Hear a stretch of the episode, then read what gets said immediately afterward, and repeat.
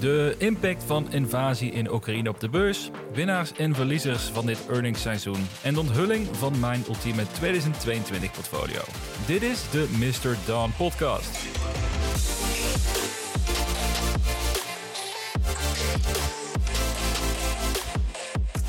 Leuk dat je luistert weer naar de Mr. Dawn podcast, waar de focus ligt op beleggen in innovatieve groeibedrijven. De afgelopen twee weken heb ik een korte break gehad om de batterij weer helemaal op te laden. Het kost stiekem toch wel veel energie. Ook mentaal weten dat je iedere zondag grotendeel bezig bent met het maken van een podcast. En het is ontzettend leuk om te doen. En ik ben ook ontzettend dankbaar voor de positieve reacties die ik krijg. Dus blij dat ik weer terug ben met een nieuwe aflevering. En het is soms ook, ook, wel frustrerend, omdat na de opname nog zeker anderhalf uur nodig is om te editen. Maar dat hoort erbij. Dus ik denk dat mijn batterij weer voor 80% is opgeladen. Ik kan misschien nog liefst één of twee weekjes extra vrij willen nemen. Maar ik denk dat dit wel een goed moment is om mee te starten met de wekelijkse afleveringen. Want er gebeurt op dit moment zo ontzettend veel in de wereld. Met in bijzonder natuurlijk de situatie in Oekraïne. Want de afgelopen week zat ik aan de buis gekluisterd om de ontwikkelingen te volgen. Want het is, ja, het is eigenlijk echt bizar en vreselijk wat daar op dit moment aan het, uh, aan het gebeuren is. En in dat kader kan je je ook afvragen of het wel passend is om vrolijk over beleggen te gaan praten. Je gaat dat toch door relativeren. Want wat, uh, wat maakt die 5% koersdaling nou in hemelsnaam uit als je het nieuws in het oosten meekrijgt? Maar tegelijkertijd heeft het natuurlijk ook gewoon een enorme impact op de beurs. En je wordt er ook niet vrolijker van om de hele dag de beelden uit de Oekraïne te bekijken en het nieuws te volgen. Dus het lijkt mij juist een goed idee om mijn idee te delen over welke impact dit maakt op de beurs. Nou, en ook alweer om je gedachten ergens anders natuurlijk, eh, natuurlijk te krijgen. Ook kon ik geen beter moment bedenken om mijn eerste NFT te kopen. Namelijk voor het Sovereignty, Sovereignty zo heet het, het Sovereignty project. Uh, de opbrengst hiervan gaat namelijk direct naar de steun in Oekraïne. Dus deze NFT heb ik niet gekocht om geld mee te verdienen. Niet door de functionaliteit die erachter zit, maar dit is waarschijnlijk wel de meest waardevolle NFT die ik ooit in bezit zal krijgen. Dus eigenlijk wel een, uh, nou, een trots moment om dit als eerste NFT te mogen, te mogen hebben. Al is de aanleiding natuurlijk wel een stuk minder, uh, minder positief en minder leuk. Dus dat, dat voorop stellen. Maar laten we het verder gewoon vooral gaan hebben over beleggen en welke impact het allemaal op de markt gaat maken van waar we nu mee bezig zijn. Dus wat gaan we allemaal bespreken in deze aflevering? Nou, allereerst gaan we het nieuws doorlopen van de afgelopen week. Dus de impact van de invasie op de beurs en op de macro-economie. Maar ook een aantal interessante earnings calls van de afgelopen weken. Dus ik heb weer mijn drie winnaars en mijn drie verliezers bepaald van de afgelopen periode. Daarnaast heb ik de afgelopen week gebruikt om mijn portfolio-strategie voor dit jaar te bepalen. Maar doordat er zoveel aandelen nu, nou, zeg maar, interessant dat zelfs gewoon heel goedkoop zijn gewaardeerd, lijkt me dit een perfect moment om heel bewust naar een portfolio van 10 posities toe te gaan werken. En welke 10 posities dit zijn nou, en hoe mijn strategie eruit ziet en waarom, dat hoor je dus zo meteen in deze aflevering. Maar voordat we starten, natuurlijk de gebruikelijke disclaimer. Dit is geen financieel advies. Doe altijd je eigen onderzoek en beleg alleen met geld dat je voor een langere tijd kunt missen. Laten we starten met het beursnieuws van de afgelopen week. Het is natuurlijk duidelijk te merken dat de invasie van Oekraïne en de sancties die door het Westen zijn opgelegd, ja, dat die enorme gevolgen hebben voor de economie alom en ook voor de beurs. De beurs van Moskou, de MOEX, is in de afgelopen vijf dagen, eigenlijk sinds de aankondiging van de Russische invasie, met maar liefst 31% gedaald. En dat is een van de grootste dalingen ooit gemeten van een index. En op de dag van de invasie ging de MOEX zelfs tijdelijk 41% onderuit, maar werd de koers weer flink opgekrikt na, na een korte afkoelperiode. En als ik de berichten lees van macro-economen, nou, dan zou het de komende periode nog wel eens erger kunnen gaan worden voor de Russen. Het Westen heeft natuurlijk een aantal maatregelen genomen die echt enorme impact hebben op hun financiële systeem. Zo zijn een aantal Russische banken afgesloten van SWIFT, het internationale banksysteem waarmee transacties mogelijk gemaakt worden. En Bill Ackman, toch wel een bekende, meer activistische belegger, die gaf al aan op Twitter dat hij verwacht dat Russen massaal hun geld bij de bank gaan weghalen vanaf vandaag, dus maandag de 27e. En de vraag is hoe institutionele beleggers, ja, hoe zij hierop gaan reageren. Maar dat de Russische beurs en de roebel daarbij ja, flink kan gaan instorten in de komende week, dat lijkt volgens analisten wel een redelijk scenario. Nou, wat betekent het dan voor de westerse economie en voor onze beurs? Nou, op zijn minst moeten we rekening houden met een lagere economische groei. Dus ironisch genoeg zou dat ook het gevolg kunnen zijn dat de rentes in Amerika niet verhoogd worden. En misschien dus ook wel in Europa. Want eh, lage inflatie en lage economische groei, die zijn aan elkaar verbonden. In ieder geval, dat, uh, dat is hoe ik het begrepen heb van mensen die veel slimmer zijn dan ik op dit gebied. Dus laat ik daar maar op vertrouwen. En dat is stiekem, en best idioot eigenlijk, een goed teken voor de beurs. En dat zou dus ook een reden kunnen zijn waarom de Amerikaanse Fed allicht minder agressief gaat zijn in het verhogen van de rente in het komende jaar. En heel misschien was dat ook wel de reden dat de Nasdaq afgelopen donderdag echt een waanzinnige dag had. Het opende de beursdag namelijk op min 3%, eigenlijk op het moment de dag van de invasie, om uiteindelijk met plus 3,3% de dag af te sluiten. En dat is een omslag van 6,3% gedurende de dag. En dat is echt bizar om te zien. En ik herinner mij dat de beurs openging en praktisch mijn hele portfolio, mijn hele wishlist, stond tussen de min 10% en de min 20%. En mijn gevoel was destijds dat de daling nog verder kon doorzetten. Dus ik had slechts minimaal bijgekocht. Een paar aandelen Teladoc, meen ik, toen de beurs weer open ging. Maar uh, 6,5 uur later, toen de meeste aandelen inmiddels plus 10% stonden, was ik wel enigszins teleurgesteld dat ik dus niet meer had bijgekocht in de ochtend. En zo zie je maar, in een tijdsbestek van een paar uur nou, kan je gaan van angstig voor een verdere instorting van je aandelen, naar tot simpelweg jammer vinden dat je niet meer hebt bijgekocht. Nou, blijft toch een, uh, een gek en een mysterieus iets, de beurs. Nou, voor de komende periode blijft de vraag in hoeverre dit nog meer kan gaan escaleren. Of dat alle partijen tot een compromis gaan komen. Verdere escalatie lijkt bijna ondenkbaar, want inmiddels zijn alle denkbare economische sancties wel opgelegd. Dus ja, laten we vooral hopen dat er een, snel een oplossing komt voor dit conflict. En vooral en voornaamste natuurlijk voor onze vrienden van Oekraïne. Nou, tot dusver een blik op het conflict en het effect op de beurs overall. Tijd om een blik te werpen op de bedrijven die onlangs hun 2021 resultaten hebben toegelicht in de earnings call. En net zoals in het vorige kwartaal wil ik dit uitlichten aan de hand van drie winnaars en drie verliezers tot dusver. Of zoals je het ook mag interpreteren, eh, welke aandelen hebben in mijn ogen positief verrast en welke aandelen hebben meer een teleurstellend jaar achter de rug en hebben in ieder geval voorlopig mijn aandacht verloren. Nou, om te beginnen met de drie verliezers van de afgelopen periode. En de eerste op de lijst, en ik hoop echt dat niemand deze meer in het portfolio heeft. En uh, anders hoop ik dat je hele goede redenen hebt waarom je nog steeds deze aandelen hebt. Maar dat is het competitieve gaming platform Skills. Want dan hebben we meteen een echte topper te pakken in deze verliezende categorie. In mijn ogen dan natuurlijk. Ik denk oprecht dat Skills in mijn top 3 staat van slechtste aandelen om in te investeren. Naast Lordstar Motors en Truth Social, het nieuwe platform van Trump. Uh, Skills is een platform waarmee je competitief games kunt spelen met geld als inzet. En de winnaar van het spel die krijgt eigenlijk de pot. Nou, op zich een slim initiatief om gaming en gambling met elkaar te verbinden, maar de executie laat op zijn zachts gezegd de wensen over. Zo blijkt uit het jaarverslag dat Skills het afgelopen jaar 99 miljoen dollar verlies heeft gemaakt. En dan komt het op een omzet van 108 miljoen dollar. Nou, dan zou je denken, het kost geld om te groeien. Er zijn meerdere aandelen in hypergrowth modus die zware verliezen leiden.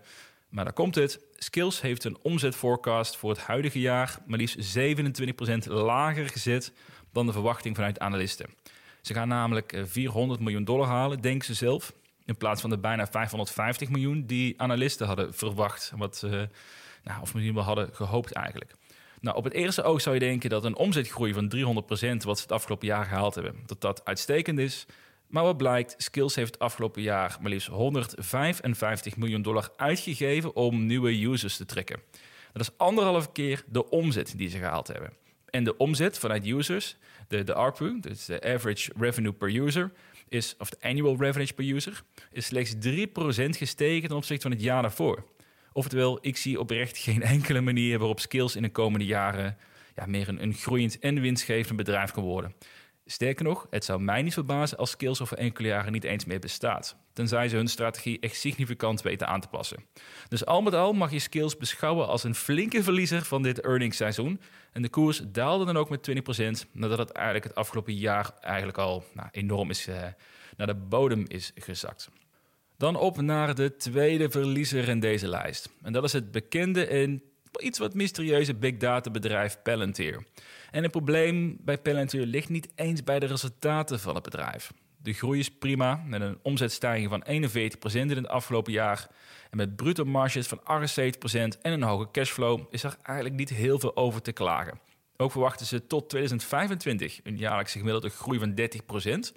Wat echt prima is voor een bedrijf die al ruim anderhalf miljoen jaarlijkse uh, omzet behaalt. Anderhalf miljard natuurlijk bedoel ik dan. De uitdaging ligt echter op twee gebieden. Allereerst is de waardering nog steeds vrij pittig. Het heeft vergelijkbare omzet, uh, groei, marges. Eigenlijk dat komt allemaal redelijk overeen met elkaar. Dus ook allebei actief in een groeidomein. Het verschil is alleen dat Palantir twee keer zo hoog gewaardeerd wordt.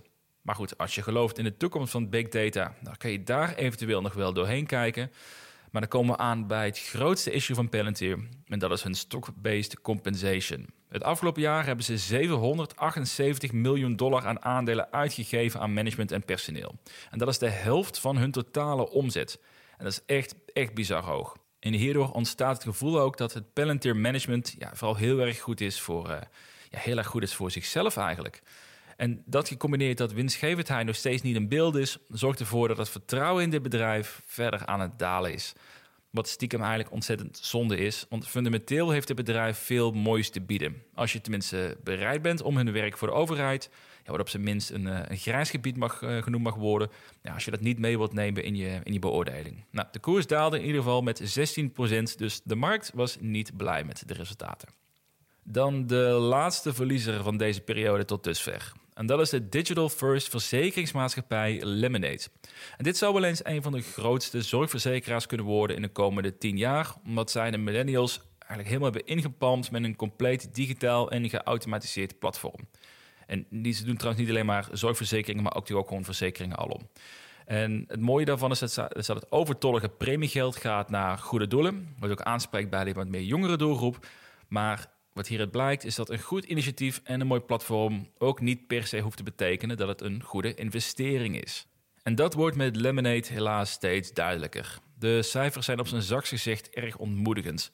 Het afgelopen jaar behaalden ze een omzet van 128 miljoen dollar, waarop een nettoverlies is gemaakt van 241 miljoen dollar. En dat hoorde je goed, het nettoverlies is bijna twee keer zo hoog als de omzet van het bedrijf. Tegelijkertijd zijn de bruto marges bijzonder laag, slechts 24 procent. Dus er is ja, weinig vooruitzicht op zwarte cijfers in de komende jaren. En voor het komende jaar verwachten zij een omzetgroei van 57 procent, maar hun nettoverlies stijgt ook met 52 procent. Dus hierdoor stijgt het verlies in absolute zin nog veel hoger in 2022 dan het afgelopen jaar. Waardoor ze ook nog eens Alan Palantir verwachten 80 miljoen dollar uit te gaan geven aan stock-based compensations wat neerkomt op 40% van de verwachte omzet voor het komende jaar. Nou, dat zijn geen resultaten waar ik als belegger enthousiast van word. Dus dit aandeel komt bij mij ver achter op de plank te liggen in de kast. Om misschien over drie jaar nog een keertje te herzien. Maar dan moet het er wel heel anders uitzien dan wat ze tot nu toe hebben laten zien. Terwijl het toch op zich een mooi bedrijf lijkt van de buitenkant. Maar uh, dat valt toch tegen als je naar de cijfers kijkt. Dan tijd voor wat optimisme, want er zijn natuurlijk ook drie winnaars in mijn ogen tot dusver. Er zijn meerdere bedrijven die een sterke earnings call achter de rug hebben, maar dit zijn er wel drie die mij in ieder geval zijn opgevallen van de afgelopen periode. Om te starten met Block, het moederbedrijf van het fintechbedrijf Square. Ze hebben sterke resultaten gehaald in 2021, met onder meer een omzetgroei van 29% en een stijging van hun EBITDA van 114%. De netto-winst is de afgelopen twee jaar wel dalende, mede door forse investeringen in hun productontwikkeling. Maar een van de krachtigste ontwikkelingen dat zit in hun Cash-app, gecombineerd met de acquisitie van Afterpay, waarvan de effecten in Q1 zichtbaar gaan zijn, want de acquisitie is nu eind januari is die definitief afgerond en is de integratie begonnen. Nou, met Afterpay kan een koper, dus zoals de naam eigenlijk al een beetje vermoedt, achteraf betalen, verspreid over meerdere momenten zonder daar rente over te hoeven te betalen. Nou, dit gaat nu direct gekoppeld worden vanuit de Square-apps van de consument, wat de adoptie van Afterpay natuurlijk enorm zal gaan versnellen. Want het wordt daarmee eh, veel makkelijker voor een gebruiker om gebruik te maken van, eh, van deze service. En daarmee heeft Square echt een troefkaart in handen. Ook geeft het hen de mogelijkheid om zich meer te richten op social commerce. En sowieso is een van de ambities van Block om een compleet ecosysteem te bouwen voor kopers en verkopers. Dus zo bouwen ze onder andere het Square Photo Studio, waarmee verkopers eenvoudig cataloguswaardige foto's van producten kunnen maken om in hun eigen shop op te nemen. Zag er best wel vet uit als je naar de presentatie kijkt en hoe, dat, uh, nou, hoe ze dat simpel gaan, uh, gaan verwerken in hun, uh, in hun software. Dus de uitdaging zit in de verdere winstgevendheid van het bedrijf. Er wordt nu fors geïnvesteerd in producten, met uitbreiding naar onder meer het Web3-domein. Ja, daarvoor gaat het echt nog wel een tijdje duren voordat die investeringen zich, uh, zich terug gaan betalen.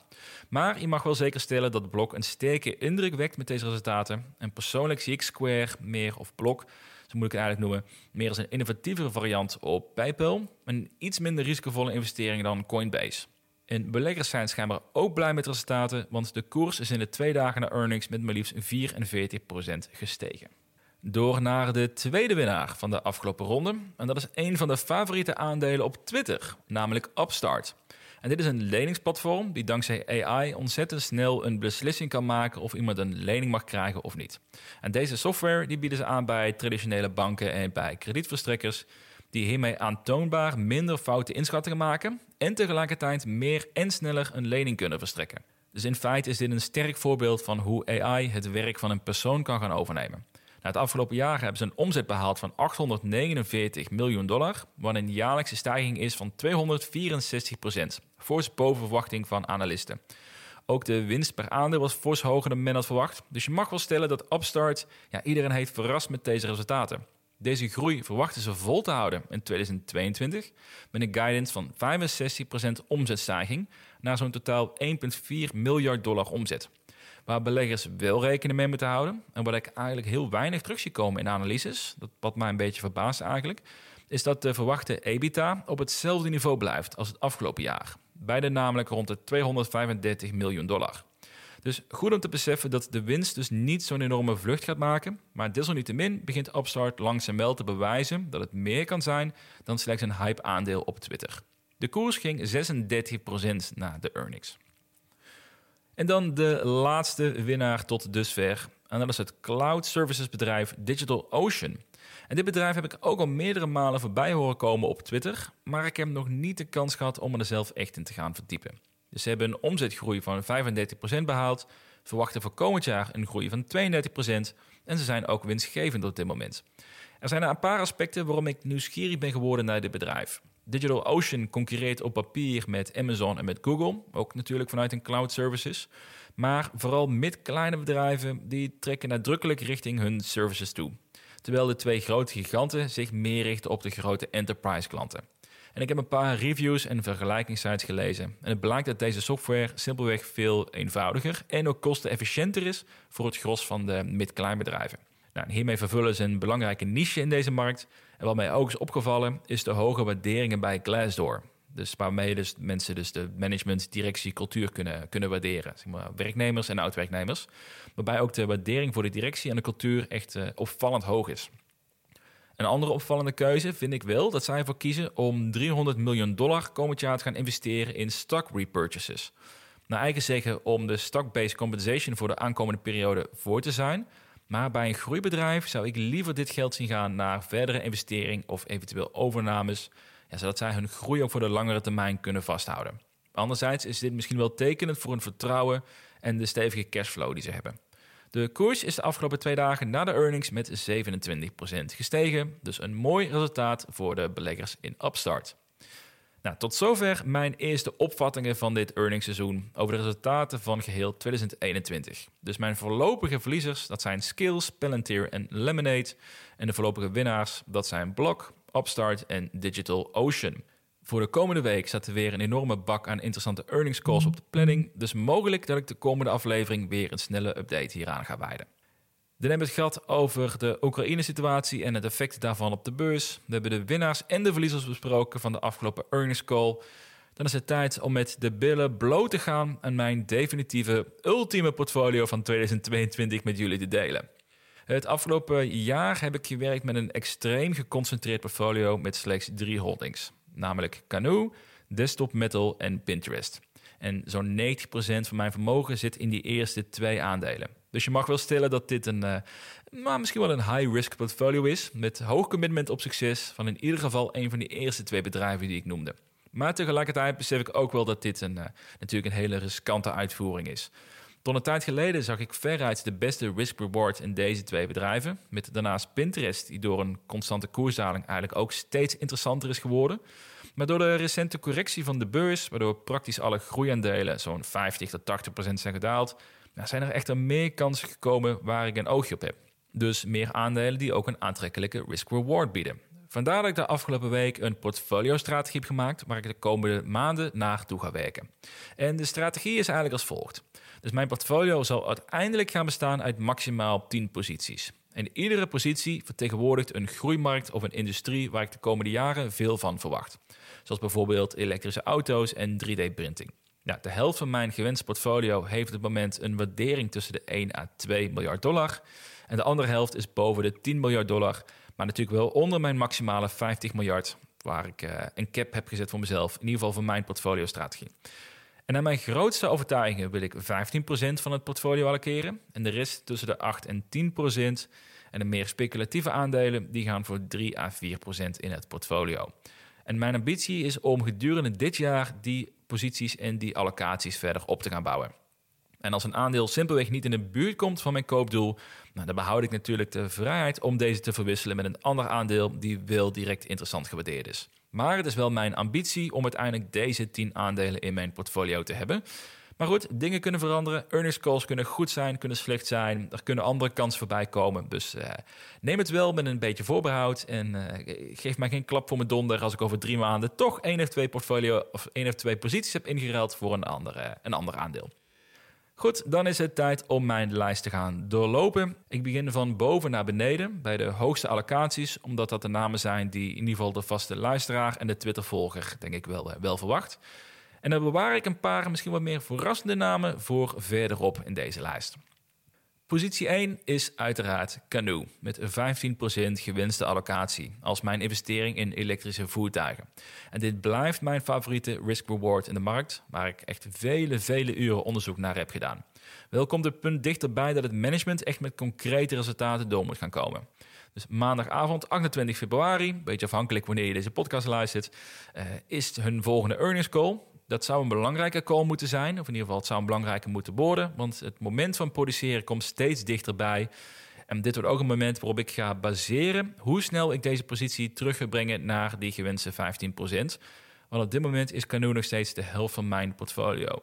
Nou, als ze een geweldige earnings call hebben, dan zal mijn positie groot blijven. Als ze weer komen met weinig nieuws, zoals de afgelopen keren, dan zal ik waarschijnlijk versneld mijn positie gaan verkleinen en uh, in andere aandelen gaan investeren op deze lijst. Dus dat alvast uh, vooroplopend op de earnings call van in ieder geval voor mij morgen, op het moment dat ik deze podcast opneem. Uh, positie 2. Positie 2 is desktop metal met ook 15% gewinste allocatie als mijn investering in de industriële revolutie. En mijn overtuiging is dat productie veel meer genationaliseerd gaat worden, nadat we de afgelopen twee jaar al zoveel uitdagingen hebben gemerkt met de supply chain. Ik vermoed dat bedrijven hiervan gaan leren en als Desktop Metal hun verwachtingen kan invullen, waardoor bedrijven massaal onderdelen kunnen gaan printen voor een lagere prijs dan het traditioneel gieten van die onderdelen, nou, dan kan dit wel eens een enorm belangrijk bedrijf geworden op de beurs. En een enorm belangrijk bedrijf eigenlijk in het hele productieproces. Dus dat is uh, iets waar ik heel enthousiast over ben voor in ieder geval de komende drie, vier jaren. Maar ook Desktop Metal gaat even de tijd nodig hebben nog om uh, aan te tonen dat zij hun potentie kunnen waarmaken. Positie 3, dat is Pinterest. Ook met 50% allocatie, denk ik geen verrassing. En dit is mijn inzet in het social commerce en creator economy domein. Dus Pinterest wordt nog steeds gezien als een social media platform, terwijl het gros van hun bezoekers eigenlijk naar de site komt met het doel om spullen te kopen, of op minst om geïnspireerd te worden om spullen te kopen. En de overgang van Pinterest van inspiratieplatform naar meer een social commerce platform, nou, dat gaat de potentiële omzet fors verhogen, vermoed ik. En ik denk nog steeds dat dit een van de meest onbegrepen groeiaandelen op de beurs is. Dus blij om daar ook 15% allocatie voor te reserveren. Positie 4, die is voor Teladoc met 10% van het portfolio als mijn inzet voor het telehealth domein. Het is simpel, mensen worden steeds ouder, we krijgen meer gezondheidsklachten, dus wordt ook de vraag naar medische ondersteuning steeds hoger. Telehealth biedt een laagdrempelige oplossing waarmee patiënten vanuit hun eigen huis hulp kunnen krijgen. Nou, sommige beleggers zien Teladoc als een soort uh, als een dokter met een tablet, maar ik voorzie eigenlijk dat telehealth uiteindelijk het standaard gaat worden, gecombineerd meer met in-body sensoren. Dus dat je eigenlijk al thuis al weet op ieder moment van de dag of het goed met je gaat, of je lichaam de juiste signalen laat zien. En dat je eigenlijk al proactief uh, eigenlijk geholpen wordt met de gezondheid van je lichaam. In plaats dat je één keer per jaar of één keer per nou, hoeveel, hoeveel jaar jong naar de dokter gaat, het, uh, een, een, check gaat doen eigenlijk. Dus ik denk dat daar heel veel potentie ligt in de combinatie ook met de technologische vooruitgang die we zien op dat gebied. En in deze sector is Teladoc gewoon veruit de marktleider. En die positie gaan ze, nou, als je kijkt naar de groei van de afgelopen jaren, die gaan ze ook niet zomaar meer afstaan. Ook niet als dadelijk Amazon zou besluiten om ook met een, een telehealth-achtige variant te komen. Wat ze eerder hebben aangekondigd, maar nog niet echt hebben doorgezet. En ra, ra, waarom? Als je kijkt naar de resultaten van Teladoc. Positie 5, die is voor Coinbase. Ook 10% van het portfolio als mijn inzet in het crypto- en het Web3-domein. Voorheen was ik hier wel sceptisch over, omdat ik zelf liever Bitcoin in bezit heb dan dat ik investeer in een exchange. Maar die mening heb ik wel moeten herzien. De marges die ze halen zijn echt bizar hoog. De adoptie van crypto stijgt enorm hard. En de Coinbase verbreedt een aanbod ook naar de Web3-omgeving, waardoor ze niet alleen maar een one-trick pony blijven, puur leunend op een exchange. Ik zie hier heel veel toekomst in en bij de huidige waardering is het aandeel gewoon in mijn ogen ontzettend interessant. Positie 6 is voor het Nederlandse cm.com met 8% van het portfolio als investering in de digitalisering van bedrijven, of eigenlijk de digitale transformatie daarvan. Ruim een half jaar geleden heb ik dit bedrijf al eens geanalyseerd en was toen enthousiast over een ontwikkeling Onlangs is hun waardering zodanig gedaald dat het een mooi instapmoment was. Nou, ik heb getwijfeld wel tussen CM.com en Twilio, eigenlijk de Amerikaanse evenknie. Maar besloten dat CM.com eigenlijk een veel hogere upside heeft vanaf de huidige waardering. Het blijft een markt waar ik graag in wil zitten. Ik hoop wel nog dat zij hun, uh, hun marges omhoog kunnen halen in de komende jaren. Maar goed, met de huidige waardering, volgens mij zit ze op 550 of 600 miljoen eh, euro op dit moment ja, 2,5 keer de sales, als ik mij niet vergis. Maar is het wel gewoon een heel interessant moment om, eh, om in te stappen in mijn beleving. Positie 7, die is voor PubMatic. Een van de gouden aandelen van dit seizoen. Met 8% van het gewenste portfolio als mijn inzet voor de digitale advertentiemarkt. Dit is een snel groeiend en een winstgevend bedrijf. Ze maken hoge marges, die in mijn beleving nou, worden gewoon over het hoofd gezien door veel beleggers. De huidige waardering biedt in ieder geval veel ruimte voor verdere groei. Dus ook een aandeel die ik graag in mijn portfolio wil opnemen. En daarnaast ook een domein die ik zelf heel goed ken, omdat ik er ook al eh, tien jaar werkzaam in ben. En dus ook weet dat PubMatic daarin gewoon een, een interessante speler is die veel mooie dingen laat zien. Positie 8 is een aandeel die ik niet eerder genoemd heb in deze podcast. Nou, dat is uh, misschien een verrassing zelfs voor de actieve volgers van mij, uh, ook degenen die mij op Twitter volgen, waar ik heel actief ben. Positie 8 is namelijk HubSpot met een gewinste positie van 8% in het portfolio. En dit is een CRM software as a service bedrijf die onlangs op de tweede plek stond van de Glassdoor Best Places to Work lijst. En iedereen die ik spreek, die is razend enthousiast over dit bedrijf. Ik heb zelf als test een account aangemaakt en ik kreeg de dag erna al een Nederlandse accountmanager in mijn inbox die op een plezierige manier aanbood om samen door de software te gaan lopen. HubSpot is relatief het duurste aandeel op deze lijst op basis van omzet en earnings, maar waarschijnlijk wel een van de best geleide bedrijven. De koers moet wel iets dalen voordat ik een positie kan openen, omdat de risk-reward nu nog niet helemaal eh, in het voordeel is om nu een positie te starten. Maar dat is wel een aandeel die ik eh, graag zou willen toevoegen aan het portfolio voor de langere tijd. Positie 9 dan. Positie 9 is voor Unity, ook met 8% van het portfolio, als mijn investering in de gaming en in de metaverse omgeving. Unity is een van de belangrijkste softwarebedrijven in 3D-development en zou er wel eens een grote rol kunnen krijgen in de nieuwe digitale economie. Veel gebruikers zijn echt lyrisch over Unity en veel developers voornamelijk zijn lyrisch over Unity. Dus ook een bedrijf die ik graag voor langere tijd bezit. Maar wel, net als HubSpot, moet de waardering wel nog iets dalen voordat ik een positie kan gaan openen. Mijn laatste positie, nummer 10, en de meest speculatieve investering op deze lijst, dat is AST Space Mobile, met 3% van mijn portfolio. zij werken aan een satellietnetwerk waarmee je overal ter wereld, zelfs in de meest afgelegen plekken, telefonisch bereikbaar bent via je eigen provider. AST Space Mobile heeft al contracten gesloten met Vodafone, Rakuten en nog meer van dat soort telecomproviders. Dus het is eigenlijk meer een kwestie of hun technologie wel of niet werkt. Zo ja, dan gaat dit aandeel een bizar hoge cashflow krijgen over 10 jaar tijd. En dan is dit, denk ik, een potentie misschien wel een 100x aandeel. Zo niet, en die kans is ook zeer reëel trouwens, nou, dan gaat dit aandeel naar nul. Of in ieder geval, uh, nou, misschien is ze een heel klein beetje nog kunnen krijgen voor een intellectueel eigendom, maar uh, ik reken erop, ga naar nul.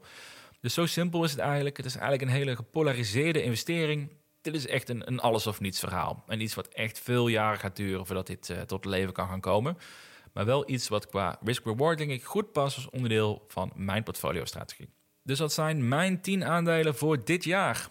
Van boven naar beneden: Canoe, Desktop Metal, Pinterest, Teladoc, Coinbase, CM.com, PubMatic, HubSpot, Unity en AST Space Mobile. Nou, in mijn ogen een mooie combinatie van solide groeibedrijven en meer speculatievere startups waar veel potentie in zit. Uiteraard blijft dit natuurlijk wel een extreem riskant portfolio ten opzichte van een gemiddeld beleggingsportefeuille. Maar goed, inmiddels mag wel bekend zijn dat ik graag wat risico neem en echt naar innovatie op de langere termijn kijk. Dus laat mij vooral weten wat je ervan vindt en welke aandelen op jouw radar staan. En met deze lijst hebben we alle onderwerpen weer besproken voor deze week. Vind je dit nou een toffe podcast? Dan zou ik het waarderen als je deze podcast een score wilt geven via de Spotify-app of via Apple Music.